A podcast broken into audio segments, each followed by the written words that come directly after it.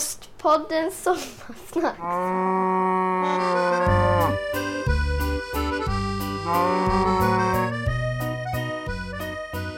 Det här är Ostpoddens Sommarsnacks och jag är fortfarande Johan.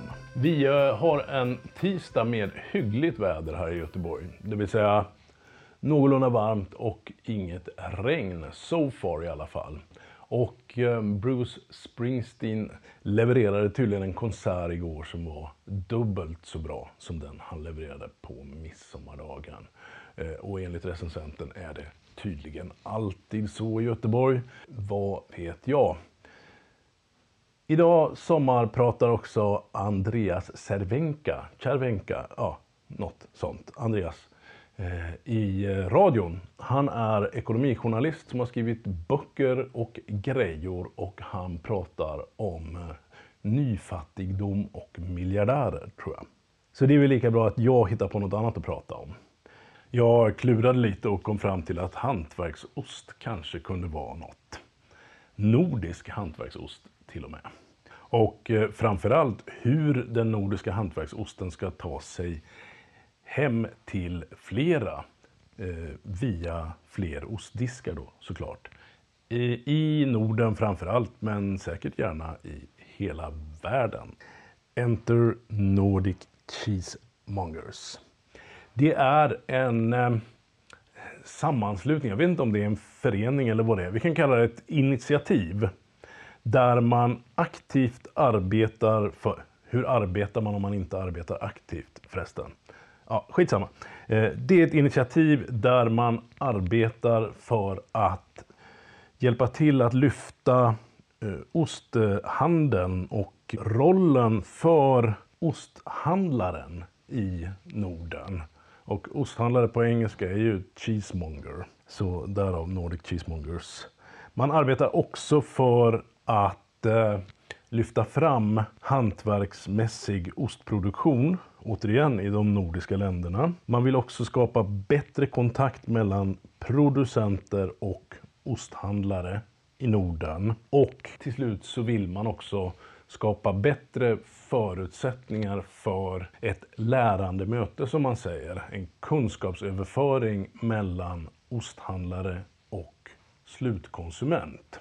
Och det här initiativet det drivs av eh, ärrade veteraner i ostbranschen, såväl osthandlare som producenter. Så man kan vara ganska säker på att de här punkterna de har bestämt sig för att arbeta för är också kritiska punkter för att få ut hantverksost hela vägen på fler bord runt om i Norden och varför inte hela världen så småningom i alla fall.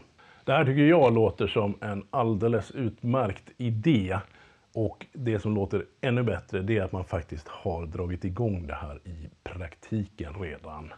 Det var nämligen så att man samlade både osthandlare och ostproducenter från eh, alla nordiska länder till något man kallade för Nordic Cheese Night uppe hos Almnäs bruk strax utanför Jo. Ja, ni vet Almnäs med eh, bland annat Vrångebäck och Tegelostarna.